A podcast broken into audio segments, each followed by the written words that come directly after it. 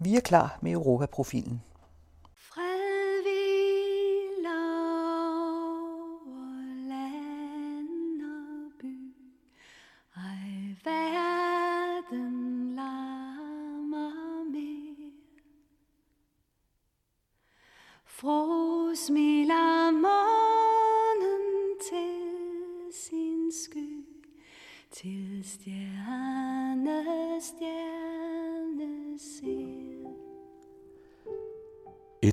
Stærkere Danmark.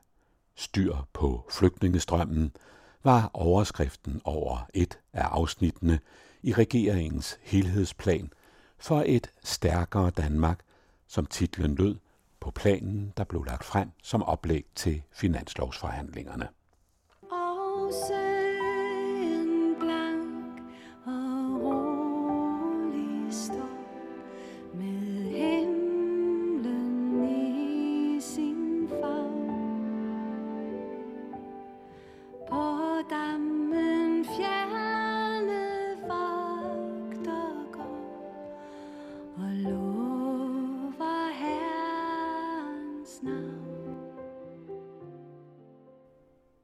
Velkommen til Europaprofilen, der i en række programmer ser på et af tidens største emner.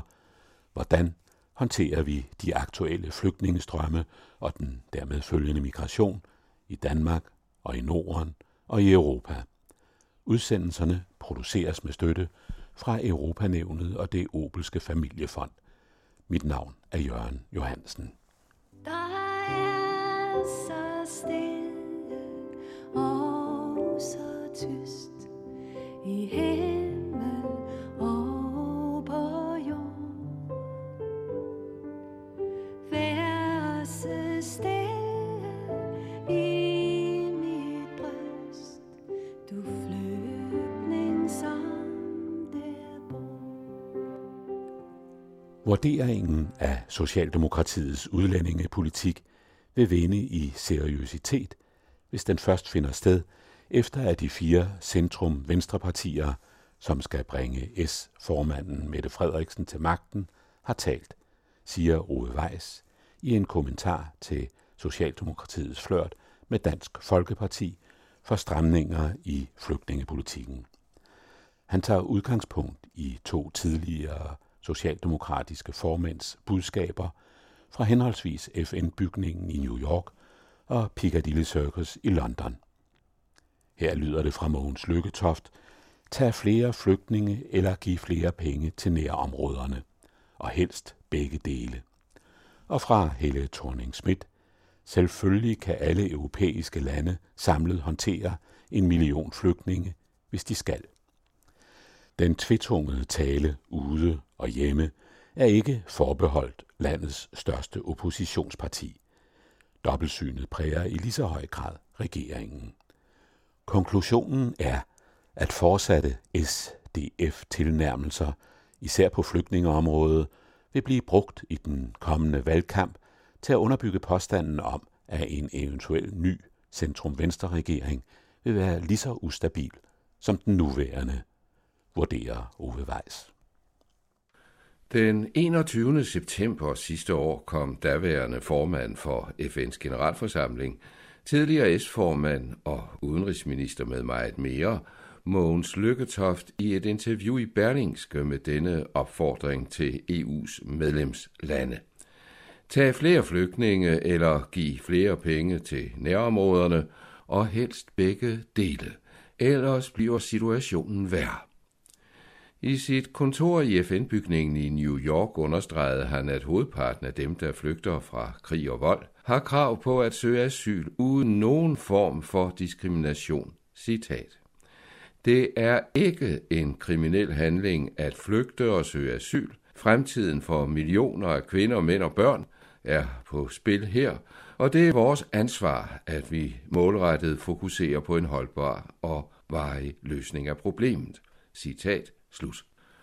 Nogle måneder senere, i januar 2016, blev Mogens Lykketofts afløser som S-formand, Helle thorning Schmidt ansat som direktør i Red Barnets internationale organisation Save the Children med hovedkvarter på Piccadilly Circus i London. Så sent som midt i juni sagde hun i et interview på en international konference for magtfulde kvinder, citat, Selvfølgelig kan alle europæiske lande til sammen håndtere en million flygtninge, hvis de skal, og hvis de forsøger at løfte sammen. Det er en no-brainer, det vil sige indlysende, at ingen lande kan løse alle de problemstillinger selv, så derfor skal vi skabe nogle fælles regler, sagde hun. Dog uden at nævne, at af de 160.000 flygtninge, som EU besluttede at fordele frivilligt mellem sig, i hendes regeringstid kunne have blevet til nogle få tusinde. Hvor de to socialdemokratiske internationalister taler i mere generelle vendinger om EU-landenes flygtningeforpligtelser, viser det sig, at FN's generalsekretær Ban Ki-moon på samme tid satte Danmark på adresselisten for advarsler. Dagbladet Information har fået agtindsigt i statsministeriets korrespondence. Den viser, at FN's generalsekretær både i et brev og i en telefonsamtale advarede statsminister Løkke Rasmussen mod regeringens asylpakke 2, som fik tilslutning fra blandt andre Socialdemokratiet med Mette Frederiksen som Thorning Smits efterfølger og Lykketofs protégé. Jeg er især nedslået over at erfare, at det lovforslag, som vil indføre restriktive foranstaltninger, ser ud til snart at skulle blive drøftet og vedtaget i det danske parlament, skrev Ban Ki-moon 15. januar som opfølgning på en telefonsamtale med Løkke Rasmussen et par uger før den 29. december 2015. Generalsekretæren advarede i brevet til statsministeren mod lovforslag L87, som blev fremsat i Folketinget 10. december sidste år. Lovforslaget er bedre kendt som smykkeloven, der indeholder bestemmelsen om, at flygtninges værdi kan beslaglægges af danske myndigheder. Det er en bestemmelse, der senere har vist sig mest at være af symbolsk art. Nu er den, om man vil, politiske skizofreni ikke reserveret Socialdemokraterne eller Socialdemokratiet, som det er gendøbt i, hævdes det, respekt for det gamle Arbejderpartis historie, også internationalt, sådan som fortiden ofte løftes på sangens vinger, når den socialdemokratiske udgave af internationale afsynges, ofte med de syngende stående under sidste vers. Dobbeltsynen præger i lige så høj grad regeringen. Samtidig med, at integrationsminister Inger Støjberg for nylig bebudede nye skuffefulde stramninger, deltog statsminister Løkke Rasmussen i et flygtningemøde i FN-bygningen, ledet af præsident Obama. Her tilsluttede han sig en forøgelse af antallet af FN-kvoteflygtninge lige efter at hans regering med tilslutning fra Socialdemokratiet har annulleret Danmarks kvote på 500 flygtninge, hvad vi vender tilbage til. På samme møde gav regeringen fuld opbakning til FN's flygtningekonvention, som regeringen herhjemme arbejder på at indsnævre. Og som Dagbladet Politikken kunne notere, samtidig med at regeringen erkender, at Inger Støjbergs stramninger kan være i strid med internationale konventioner, har udenrigsminister Christian Jensen arbejdet for, at Danmark får plads i FN's flygtninge højkommissariats menneskerettighedsråd. I en tale i UNHCR i Genève, som i øvrigt en anden venstremand, Paul Hartling, i sin tid var generalsekretær for, talte Christian Jensen om menneskerettighedernes ukrænkelige universalitet. Han benægter dog over for bladet, at hans tunge skulle være tvedelt, med følgende kommunikative argument, citat, vi taler sådan set klart begge steder, for jeg er ret sikker på, at det vi siger i København, det høres i New York, og det vi siger i New York, det høres i København. Så vi er nødt til at sige det samme, og det er, at Danmark er klar til at løfte vores del. Repræsalier skal udenrigsministeren ikke frygte. Hans chef, statsministeren, afviste mulighederne for selvmodsigelser med dette argument. Noget politikken bla bla bla, bum bum bum. Men tilbage til det store oppositionsparti. Helle thorning er på det nærmeste forsvundet ud af danskernes politiske bevidsthed. Mogens Lykketoft har skiftet New York ud med Tostrup, som lægger navn til hans valgkreds på den københavnske Vestegn. Han genopstiller ikke ved det kommende folketingsvalg, men vender hjem i kortere eller længere tid til en S-folketingsgruppe, som med Mette Frederiksens ord midt i september og midt under Dansk Folkepartis årsmøde i Herning, citat, har en stor fællesmængde med DF. Jeg tænker, at vi i dag i mine øjne har et utroligt godt og tillidsfuldt samarbejde med Dansk Folkeparti, sagde hun i et interview med Politikken morgenen efter udlændingedebatten på DF-årsmødet, hvor en af de 1400 delegerede, Jan Nielsen, sagde følgende fra talerstolen, læst op fra det medbragte manuskript. Udlændinge sviner, svindler, stjæler, voldtager og dræber. Hun sagde også, at udlændinge formår at blive hængende frem for at rejse hjem igen. Citat. Enten leger de gemmeleg, når det er tid til at tage hjem igen, eller også skriger de, vi vil ikke hjem, for konventionerne siger, at vi godt må blive heroppe. Om samme emne, men fra mere autoritativt hold, lød det fra partiets erhvervsuddannelsesordfører i Folketinget, Marlene Hapsø, citat. Der rapporteres nogle gange om vanskeligheder ved at sende afviste asylansøgere hjem. Det er meget, meget dyrt, når rejsen foretages med fly. Vi spilder utroligt mange politiressourcer på det. Så kære årsmøde, jeg har en meget bedre idé. Giv i stedet migranterne et par kondisko. Hvis de kan gå hele vejen herop, så kan de også gå hjem igen, sagde hun under stor applaus fra forsamlingen. Mette Frederiksen fik tilslutning til tilnærmelsen til Dansk Folkeparti fra formændene for to af landets store fagforbund, Dansk Metals Claus Jensen, tidligere tillidsmand på Lindøværftet, og tidligere taler på Venstres landsmøde, og fra formanden for landets største fagforbund for offentligt ansatte, FOA, Dennis Christensen, tidligere DKP og tidligere taler på Dansk Folkepartis årsmøde. De mener, at der er større perspektiv i at samarbejde med Dansk Folkeparti på velfærdsområdet end med radikale venstre. Tidligere har de ellers skarpt kritiseret DF for ideen og stemmerne til den nye dagpengereform, nedsættelse af pensionisternes boligtilskud, kontanthjælpsloftet, omprioriteringsbidraget, nedsættelse af fradraget for faglige kontingenter i forsøg på at stikke fagbevægelsen, støtte til den kristelige fagforening i forbindelse med slaget om restaurant Vejlegården og meget andet. Mere interessant politisk er også reaktionen hos de fire centrum-venstre-partier, som i givet fald skal pege på Mette Frederiksen som eventuel ny statsminister. Selv erkender hun, at støtten næppe kommer fra Dansk Folkeparti.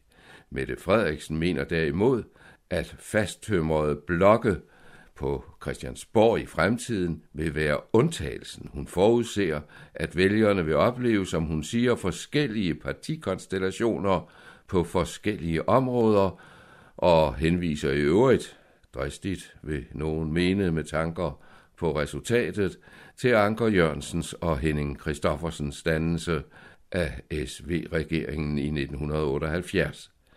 Det er som om den tidligere radikale statsminister Hilmar Bavnsgaards ord får ny aktualitet. Det drejer sig ikke om, hvem man samarbejder med, men hvad man samarbejder om. Sådan sagde han, men han sad også kun i statsministeriet i tre år. Nedbrydningen af blokkene er med Bavnsgaards ord i god overensstemmelse med radikale venstres filosofi. Det nye Alternativet har også erklæret højre venstreaksen for knækket, og venstrefløjen allierede sig som en med Dansk Folkeparti i kampen mod den dagpengereform, DF som nævnt selv var idémager til. Men når det kommer til flygtningepolitikken, ser billedet noget anderledes ud.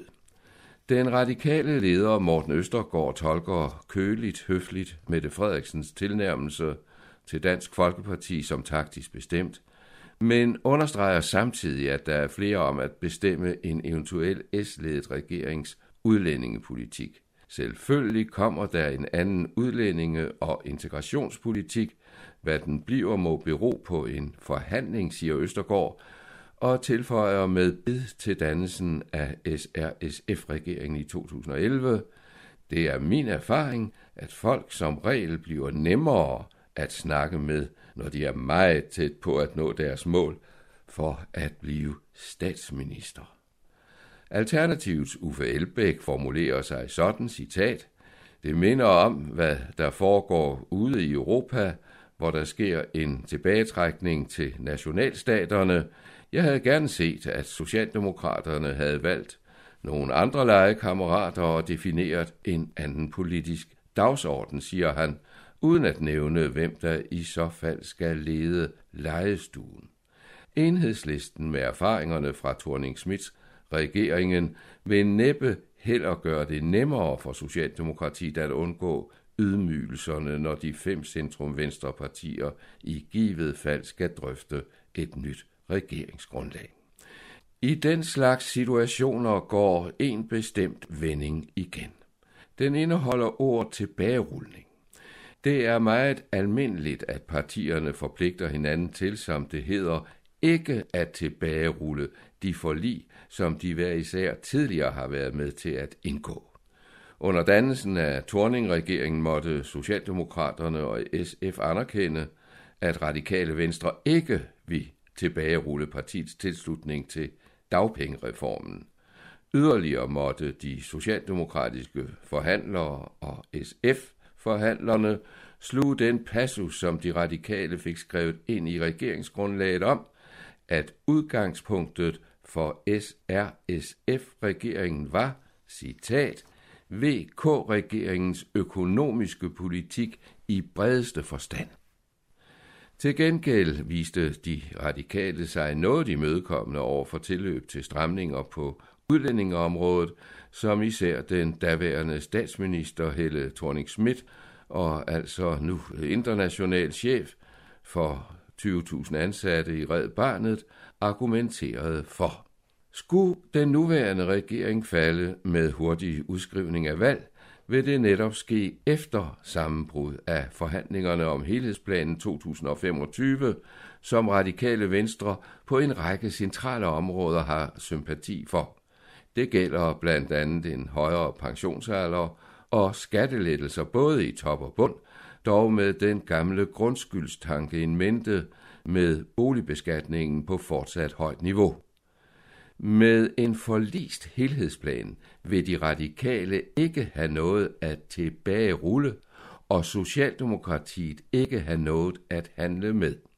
Det vil øge de fire centrum venstrepartiers pres på Mette Frederiksen i flygtningepolitikken, og det vil i en valgkamp styrke Blå Bloks advarsler om, at en eventuel rød regering vil lempe udlændingepolitikken og med åben slagsmål om flygtningene underbygge påstanden om, at en ny regering vil blive lige så ustabil som den nuværende.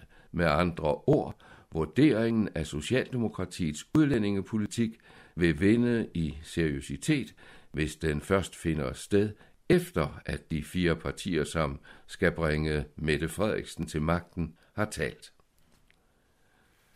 Hvilke beslutninger vil Socialdemokratiet i så fald blive tvunget til at frafalde? Der vil være flere. En af dem kunne være smykkeloven, som Ban Ki-moon som nævnt advaret imod og som har fået negativ international opmærksomhed, også selvom den, hvad nogen hævder, blot er et paradenummer. I hvert fald har antallet af konfiskationer af flygtninges værdigenstande kun tælles på et par hænder. En sikker ændring vil være genoptagelsen af kvoteforpligtelsen over for FN. Den kræver ikke lovgivning, men kan gennemføres administrativt. For Thorning Schmidt i hjertet af London og for Mogens Lykketoft fra sin tid i det høje sæde i FN-bygningen, de to, der som refereret samstemmende har talt om EU's fælles ansvar for at løse flygtningekrisen, må det have været overraskende at se Socialdemokratiets tilslutning til integrationsminister Inger Støjbergs brud med den 40 år lange tradition for, at Danmark årligt modtager 500 FN-kvote flygtninge. Alle udvalgt af FN's flygtningehøjkommissariat, UNHCR, med plads blandt de 500 til 30 sygdomsramte, og det vil reelt sige mennesker med handicap. Beslutningen blev truffet i 1978, da Folketinget vedtog at afsætte et beløb til kvoteflygtninge, fortrinsvis fra flygtningelejre i Afrika og Asien.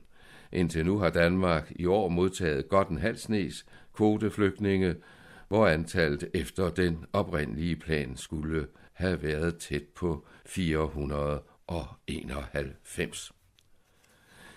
Men beslutningen, hvor lille den end er i den store sammenhæng, harmonerer heller ikke med den såkaldte Bratislava-erklæring vedtaget for nylig af EU's 27 stats- og regeringschefer med Storbritannien udelukket fra selskabet.